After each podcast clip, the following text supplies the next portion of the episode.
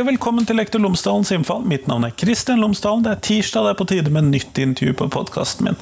Denne uken så snakker jeg med Ole Jakob Madsen. Han er eh, professor i psykologi ved Universitetet i Oslo, og vi snakker om generasjon prestasjon. Vi snakker om psykisk helse i skolen, vi snakker om hvilken betydning dette stresset, hva generasjon prestasjon er for noe, eller er det virkelig en ting, og er det egentlig et problem? Vi, det er masse å ta av her. Eh, så det får du nå etter hvert. Jeg håper at du kan fortelle meg hva du synes, legg igjen en kommentar på Facebook eller inne på Soundcloud, eller ja Fortell meg hva du syns. Her er i hvert fall intervjuet. Vær så god.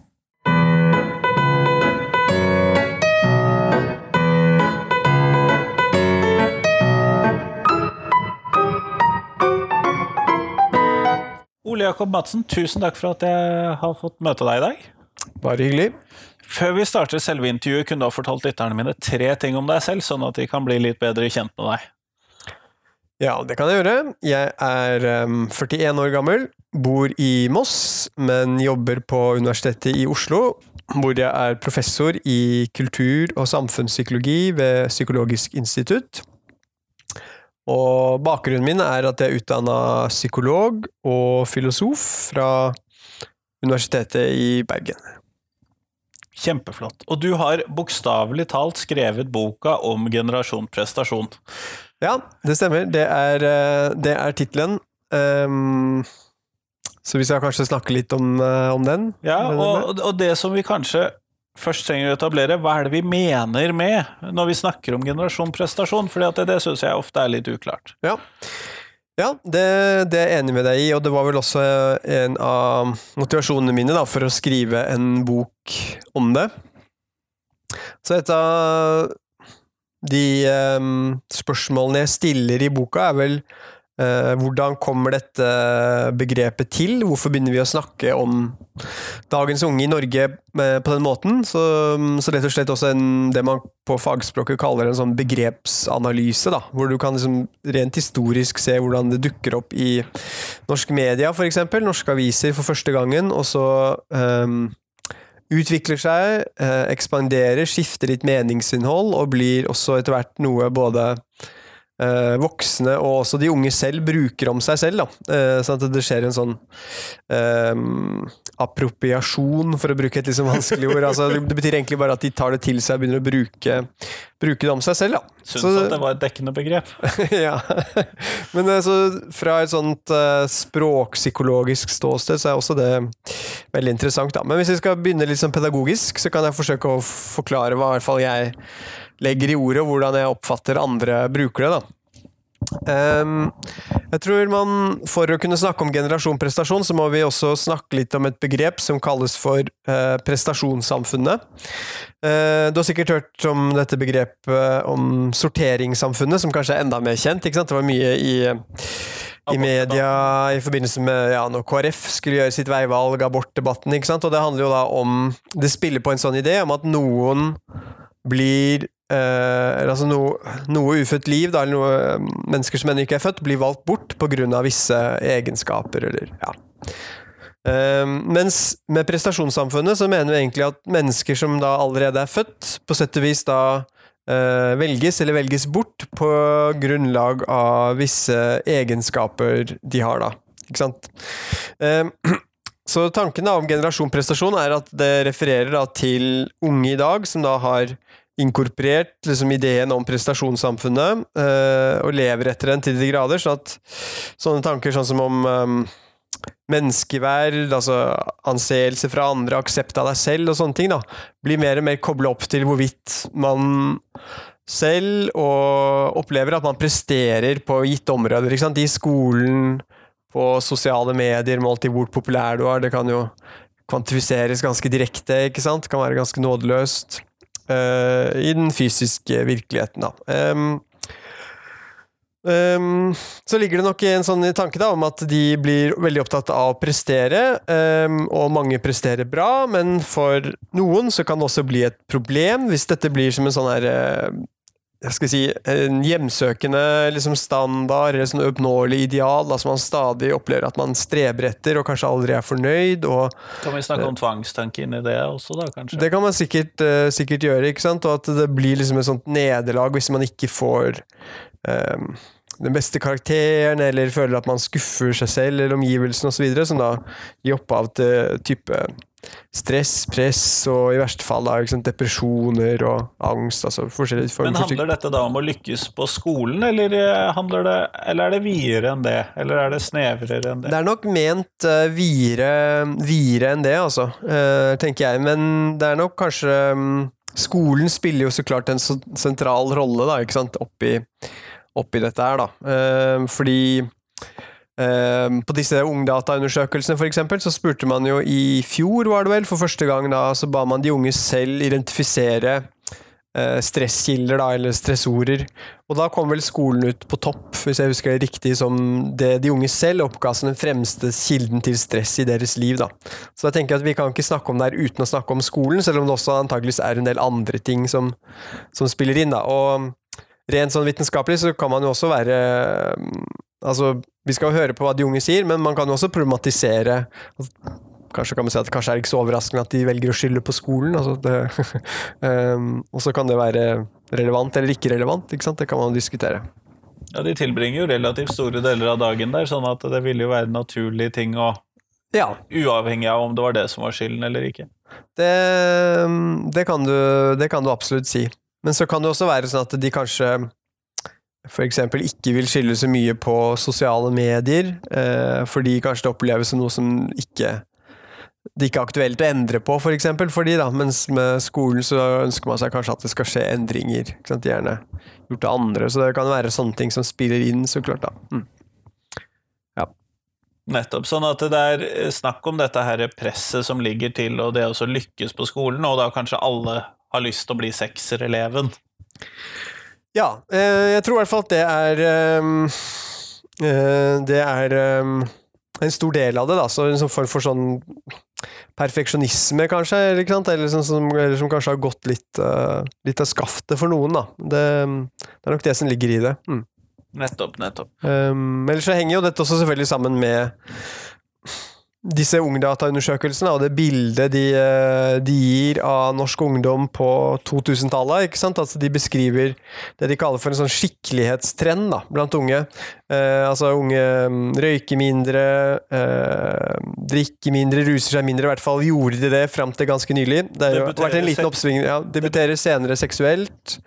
Um, og oppgir selv at de har det relativt bra, er ganske sånn hjemmekjære, altså bruker mer tid hjemme. Uh, så da ble det vel liksom sånn Men likevel da, så ser man en økning i psykiske helseplager utover 2010-tallet, særlig for jenter. Uh, mens for guttene så var det faktisk en nedgang fram til 2015, mens på de siste to års målinger så ser man også et oppsving for guttene. da.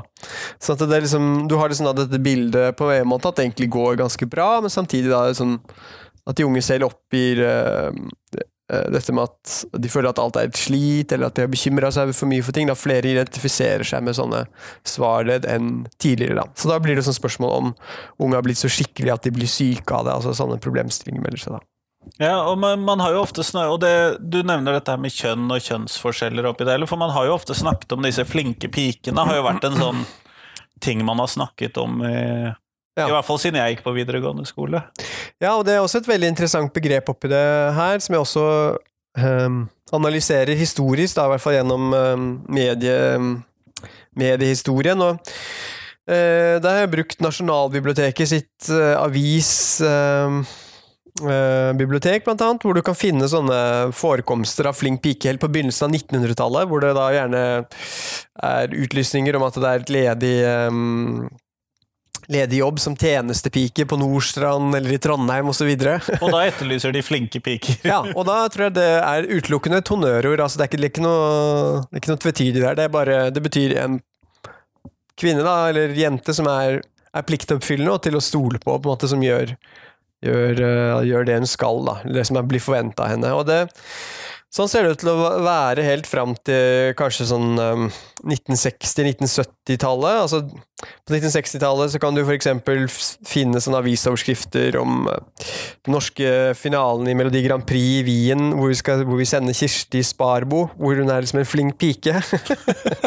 uh, og det tror jeg utelukkende er liksom uh, positivt ment, da. Mens på 1970-tallet så kan man kanskje begynne å se en sånn kanskje innslag av feminismen, et sånt opprør mot denne liksom forventningen om at kvinner skal være så pliktoppfyllende. på en måte Altså Du kommer et mer behov da for å fylle um, livene sine med hva skal si, med, med mening selv, og selv ta liksom ansvar for um, for livene da, på en ny måte, så da kommer det også kanskje et oppgjør mot mer sånn tradisjonelle kvinneroller, som kan være begrensende uh, i høyeste grad. Så det, det, det syns jeg er interessant. Mens man skal ikke lenger enn tilbake enn på 2000-tallet, hvis vi diskuterte dette med flink pike-syndrom, som man ofte snakker om, så handla det stort sett om kvinner i 30-årene, eh, altså som ble opplevde mm, å bli slitt da, mellom kanskje det å ville være um, til stede for barna sine, liksom ha et familieliv og gjøre karriere, ikke sant, sånn at du har liksom denne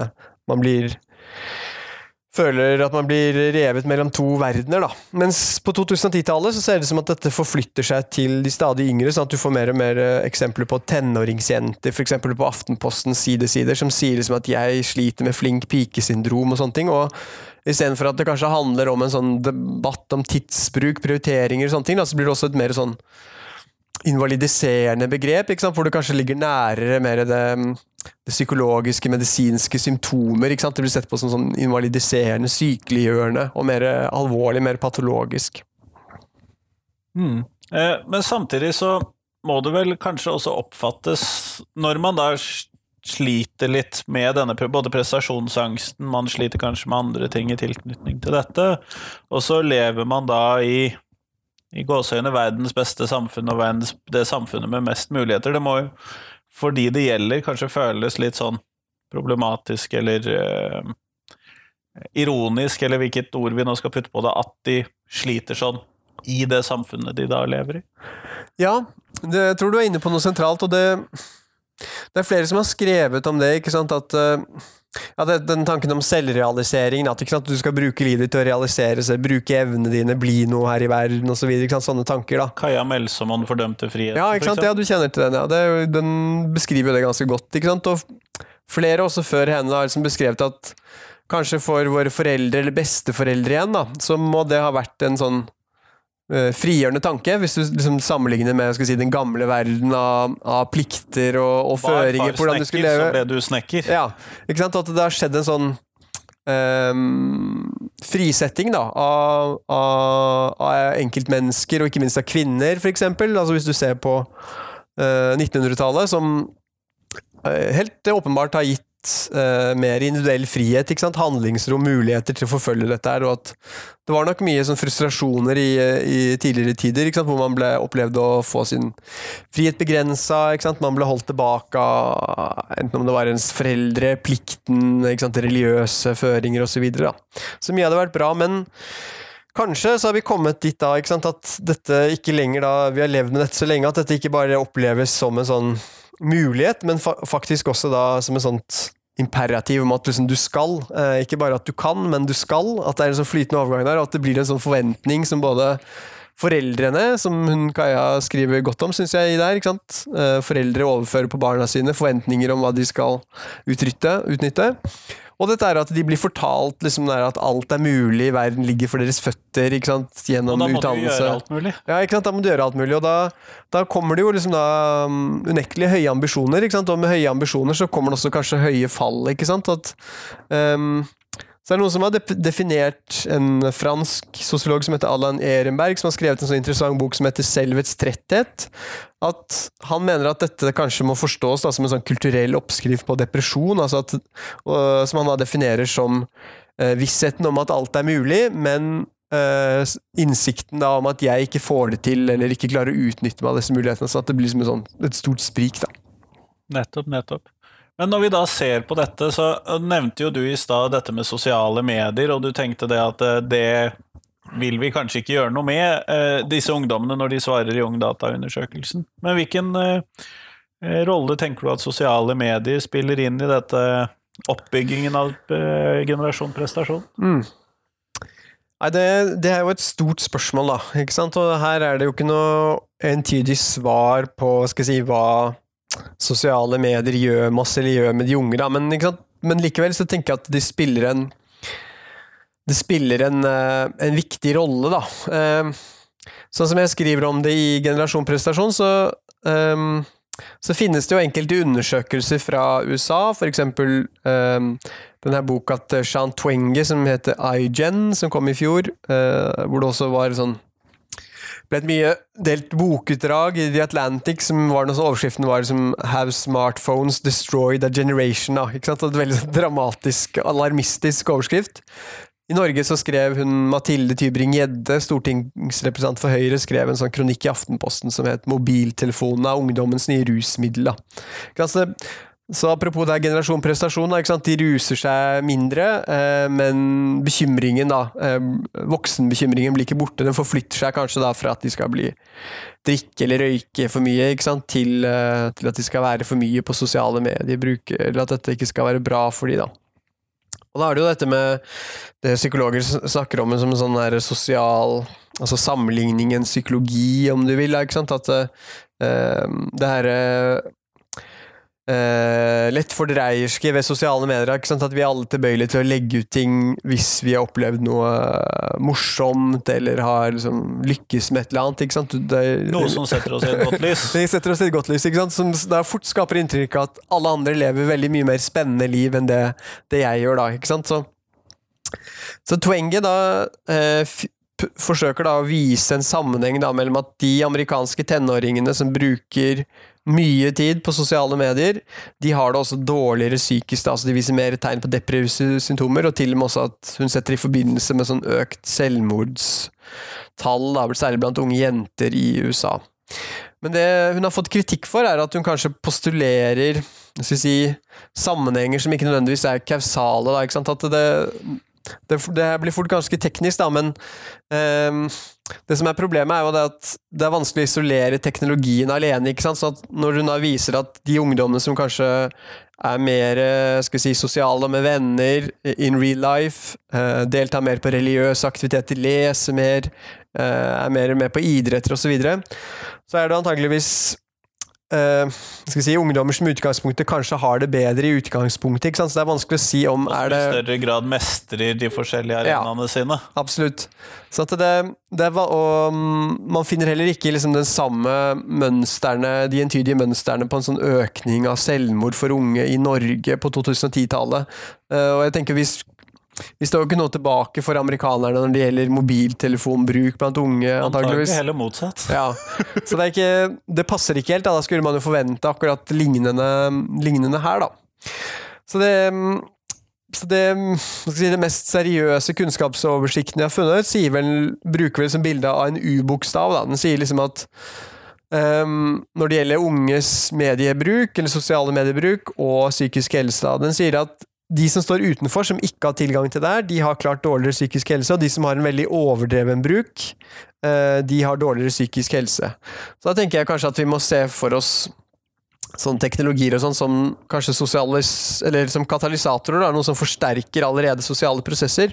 At kanskje for den første gruppen så handler det kanskje om sosioøkonomisk utenforskap, altså at de kommer fra familier hvor ikke, man kanskje ikke har nett eller eh, skal si, datamaskiner, Mac-er, iPader. Altså Man har ikke tilgang, på, på en måte. Ja. Mens kanskje for den andre gruppen da, så er det kanskje folk som sliter med mobbing, ensomhet, uh, kanskje, hvor kanskje nettet, eller livet på nettet, blir også liksom en, som en sånn derre uh, en fobisk venn, ikke sant? eller noe som en, sånn, en virtuell verden som de flykter inn i, men som kanskje, kanskje også da bare liksom forsterker problemene deres. Da, ikke sant? Så det er liksom Ja. Jeg tror det er et veldig komplekst bilde, da, ikke sant, men um, ja. Mm. ja. I utgangspunktet så skulle man jo tenke seg at uh, hvis man får en generasjon som oppfører seg stadig bedre og lykkes stadig bedre og jobber stadig bedre med forskjellige typer hva skal vi kalle samfunnsoppbyggende aktiviteter, hvis det er det vi skal kalle skole og jobb og sånn, ja. uh, at det utelukkende vil være positivt. men så ser vi jo da at det tydeligvis ikke alltid eh, er uten en bakside i medaljen. Nei, tankegangen bak liksom prestasjonssamfunnet og ifølge kritikerne er at det egentlig sliter ut mennesker i begge ender. da. Både vinnerne og taperne. altså Taperne kommer liksom aldri inn fordi de er ikke attraktive nok på arbeidsmarkedet eller har ikke gode nok karakterer osv. Uh, mens vinnerne de sliter seg ut da, fordi de liksom forsøker da å leve opp til disse kravene, men det er i realiteten et veldig liv fullt av skal vi si, stress og liksom uh, uh, si, liten, liten, fritid i realiteten. Mye krav og lite fri? ja, og kanskje også en sånn idé om at man alltid da må jobbe for å si, øke sine menneskelige assets. ikke sant? At liksom selve, da, eller det å være menneske, blir på en måte et type arbeid også utenfor arbeidstiden, hvis du skjønner hva jeg mener. fordi da føler man at man må bruke tiden fornuftig ikke sant, til å til å bli noen, ikke sant, eller, uh, eller jobbe med liksom selve som et sånn identitetsprosjekt. Så det er noen som har brukt det der sånn begrep som de på engelsk er the enterprise self, eller altså kanskje foretaksselve eller bedriftsselve.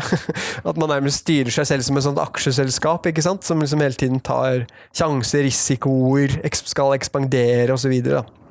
For det er ikke godt nok å bare slenge seg ned med en øl og en Robert Ludlum-bok? Nei, paradoksalt også, så blir det liksom da Hvis det er en realitet, da, at noen da tenker at nei, ikke, nå kan jeg ikke bare liksom kaste bort tiden med å slappe av, det blir liksom um, i så fall så må det være fordi det styrker produktiviteten. ikke sant? At det, liksom, det lønner seg å slappe av, fordi da blir du mer produktiv ellers, eller Så jeg husker jeg var og holdt en forelesning for um, studentenes psykiske helsetjeneste på Universitetet i Bergen for et par år siden, før boka kom ut, da, men vi er opptatt av samme problematikk. og da, En av de mest erfarne terapeutene der sa liksom at når hun begynte å jobbe der, jeg tror det var mer på slutten av 90-tallet, så var mer den typiske studenten som kom dit, liksom en, la oss si en jusstudent som var, hadde liksom eksamensnerver og var, hadde um, bekymringer da, for hvordan hun kom til å prestere på eksamen, mens hun følte at det hadde skjedd noe da, i løpet av de 10-15 årene, at nå var mer bekymringen sånn generalisert. At det var liksom ikke bare bekymringen for hvordan vi gjør det på eksamen, men øh, skal vi si, har jeg valgt den rette byen å bo i, skal jeg ha denne kjæresten, har jeg valgt rett utdannelse,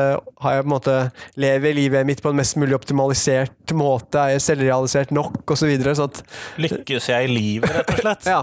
Så at det liksom har gått fra å være mer sånn spesifikk um, type angst da, en mer sånn generalisert angst og lidelse, nærmest. Altså, um, det høres jo ganske slitsomt ut hvis man har det sånn, tenker jeg. Ja, eh, det, jeg fikk litt angst av å høre den beskrivelsen.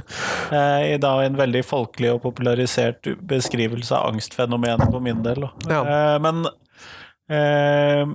når vi da ser på dette, og ser at samfunnet da kan se sånn ut for en del av denne store ungdomsmassen som ja. jeg jobber med i skolen, så er jo spørsmålet hva skal vi som skole gjøre for å så Hva skal vi kalle det? Gjøre livet lettere, eller gjøre livet mer håndterbart, eller eventuelt lære de verktøy for å fikse dette? Hva er det vi trenger å gjøre i skolen?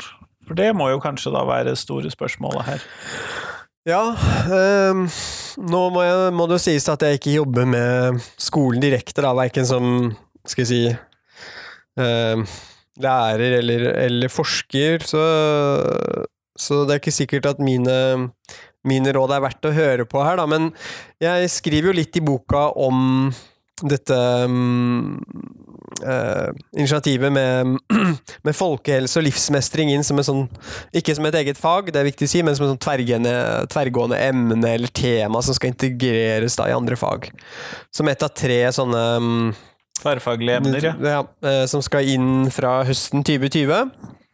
Og som jeg tenker nok er utforma som en sånn mulig svar da, på en del av de utfordringene vi har snakka eller sirkla oss litt rundt her nå. Og jeg er ikke sikker på om det er den rette samfunnsmedisinen, for å si det sånn. Det, det må jo sies at vi vet vel ennå ikke helt hvordan det kommer til å se ut i praksis, og det er jo antageligvis litt opp til de enkelte skolene selv, hvordan de velger liksom å integrere det eller løse dette her, da. Men, men hvis man på en måte kjøper denne mm, problembeskrivelsen at både det mm, som noen av disse forskerne gir, da, av de utfordringene som en del av generasjon prestasjon sliter med, nemlig det er at de føler at de må drive en form for sånn eh, De må lykkes overalt. Lykkes overalt, og, og investere i sin egen framtid fra veldig tidlig av, fordi de ble bedt om å ta veldig sånne voksne valg, og de har en følelse som kan være mer eller mindre reell, om at hvis ikke de får den beste karakteren, så ødelegger de for fremtiden sin, for da kan de ikke komme inn på den prestisjetunge utdannelsen de vil, osv. Så, videre. så tenker jeg at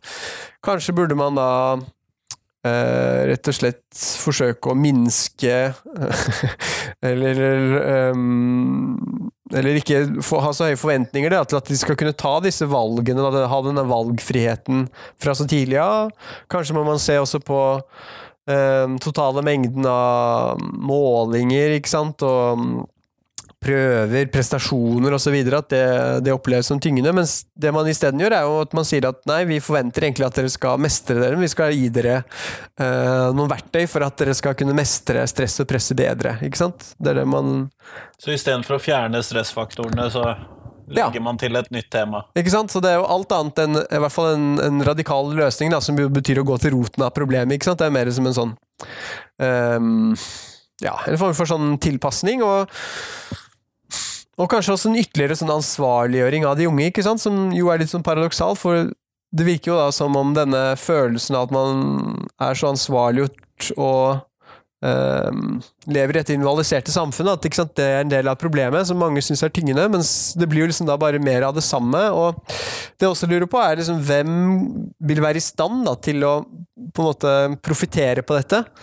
Ehm, det vet vi jo ikke ennå, men hvis jeg skulle gi en sånn kvalifisert gjetning, så vil det jo være kanskje de som er ressurssterke i utgangspunktet, som blir flinkere til å ta dette til seg. Hva med de som ikke ikke er så flinke, da, ikke sant? og som ikke kanskje engang er til stede på skoleundervisningen, eller i hvert fall ikke mentalt til stede. Um, så det er jeg også litt opptatt av, da, ikke sant? at denne, selv om denne boken nå heter 'Generasjon prestasjon', så er det nok like mye en kritikk av begrepet. da, Eh, og Det er viktig å komme til, fordi eh, du var jo litt inne på det i spørsmålet ditt, at antageligvis er det bare en liten del av dagens unge som dette begrepet fanger inn. da, ikke sant, og eh, det jeg også forsøker å vise, er at antageligvis er- handler det mye om de utfordringene som den skal vi si, middelklassen, eller den øvre middelklassen, barna deres opplever, da, ikke sant, som er artikulerte og ressurssterke nok til å sette sine problemer på agendaen i sosiale medier, på Aftenpostens sidesider osv., og og som også media synes er spennende å skrive om, fordi det er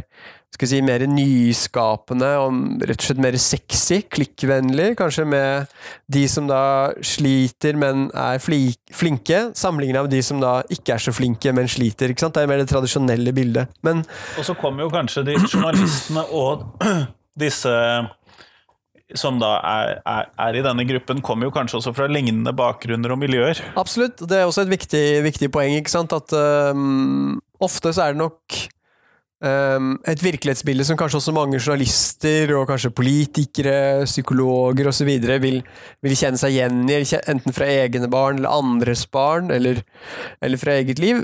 Som man da tenker er liksom uh, allmenngyldig for, uh, for hele, hele landet, ikke sant. Mens kanskje, kanskje er det ikke det, da. Og det selv om kanskje en del av de problemstillingene er voksne, så er det nok fortsatt sånn at den største gruppen som sliter, er ikke er heller liksom det man kanskje kan kalle med et litt sånn forferdelig ord generasjonsstagnasjon, eller altså øh, øh, Vi trenger kanskje ikke å kalle de, kalle de ved, ved navn, da, men hvor det er mer det tradisjonelle kjennetegnet av at de kommer fra vanskelige oppvekstvilkår, kan være lav sosioøkonomisk status, rusproblemer, mobbeproblematikk, forskjellige typer sykdommer som også gir psykiske sykdommer, enten hos foreldrene dem selv, eh, skolevegring. Foreldre som ikke, kan, ikke har så mange skolefaglige ressurser å bidra Ja, med. det er jo rett og slett mindre ressurser også til å, til å hjelpe de, ikke sant? Og som kanskje ikke har så veldig høye ambisjoner på egne, egne vegne, ikke sant? Og de, mm, ja, så de er også en, en viktig del av bildet, men som kanskje ikke da er like eh, flinke eller interessert eller kanskje til å sette sine problemer på dagsordenen på samme måte, da, eller, eller interessante nok å skrive om for media, da, fordi det hører mer til det tradisjonelle bildet, ikke sant? Som, så ja. Og så det også flere psykologer har vært opptatt av, er jo kanskje at om denne, dette livsmestringsinitiativet også i for stor grad hviler på en sånn tanke om at elevene skal bli små psykologer, altså eksperter på sitt indre sjelsliv, lære å regulere sine egne tanker og følelser, regulere sine læringsprosesser. ikke sant? Har liksom mye det man kaller for metakognisjon og selvreguleringskapasitet, sånn at man har innsikt i liksom, eh, egen tankekapasitet. Enda en ting å lykkes i, da. Enda enda en ting å lykkes i, og et ganske stort ansvar å legge på små barn. Altså, de fleste voksne er ikke så gode på å regulere seg selv, de heller. Altså, liksom.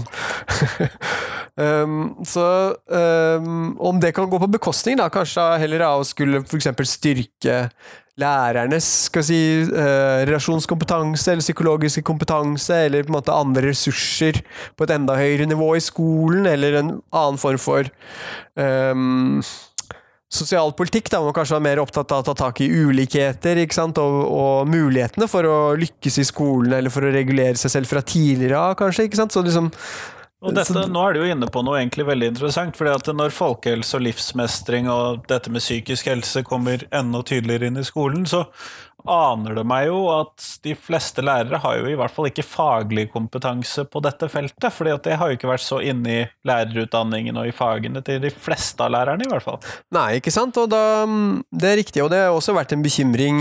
Eh, du så sikkert også der, eh, den saken fra var det Lier i, eh, i, Drammen hvor de hadde da valgt å løse dette her med å introdusere såkalt power-posing i gymtimen? Jo, jeg så det. Eh, Litt etter alle andre, så jeg, det var mye rare Twitter-poster før jeg skjønte hva dette dreide seg om. Ja, ikke sant? Og det er jo da en sånn um, en psykologisk liksom, sånn slags sånn selvhjelpsteknikk. ikke sant? At man kan ikke bare føle seg bedre, men faktisk endre sitt eget hormonelle nivå bare med å sitte på en sånn der, enten bredbeint eller særlig selvsikker måte, eller stå, ikke sant. Og, um, det var jo en sånn uh, forskningsartikkel i et veldig anerkjent psykologisk tidsskrift, hvor liksom man viste til noen veldig sånn lovende funn da, på dette her på 2010, var det vel, da men så har vi senere replikasjonsstudier funnet at nei, det er ikke noe hold for å si at man kan egentlig gjøre noen endringer eh, hormonelt eller atferdsmessig, så det blir jo men det har ikke disse,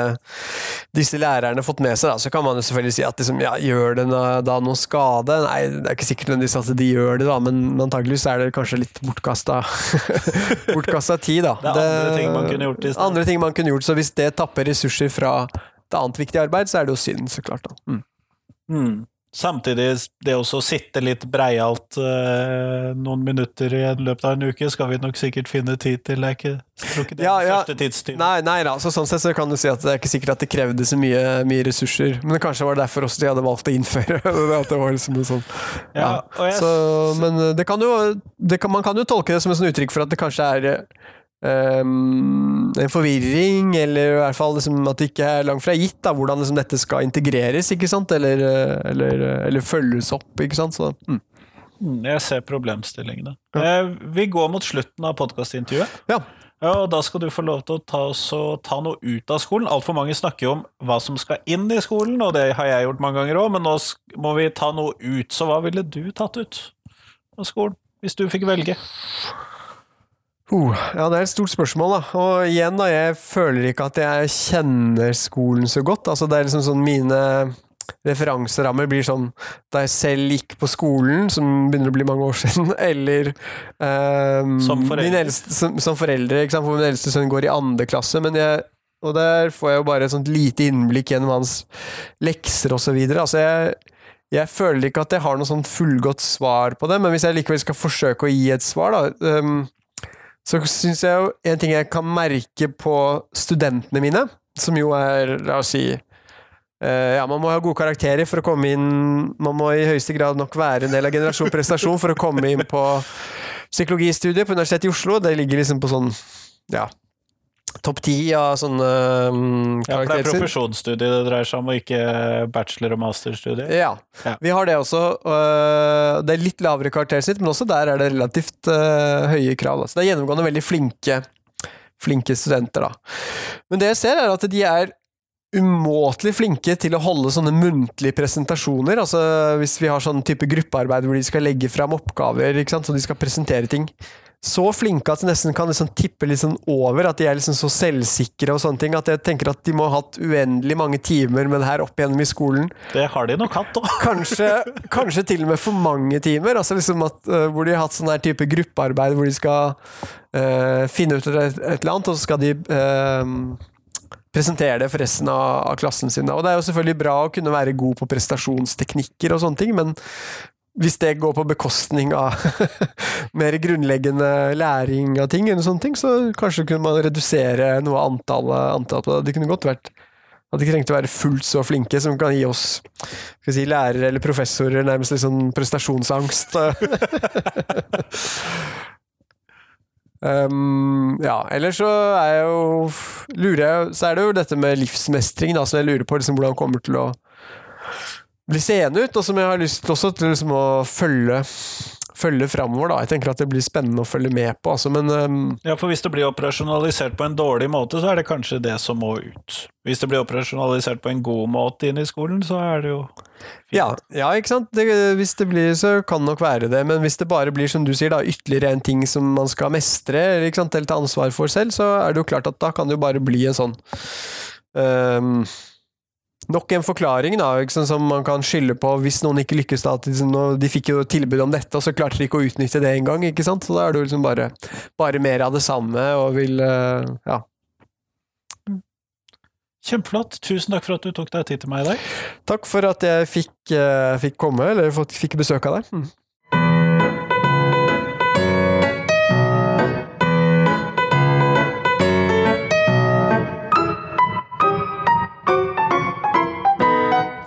Tusen takk til Ole Jakob, og tusen takk til deg som hørte på. Nå er det én uke igjen til podkasten. Det vil si, det er det ikke, for det kommer et lite ekstraintervju denne fredagen også. Eh, det er med Håkon Nakkerud Opp Op Åpedal.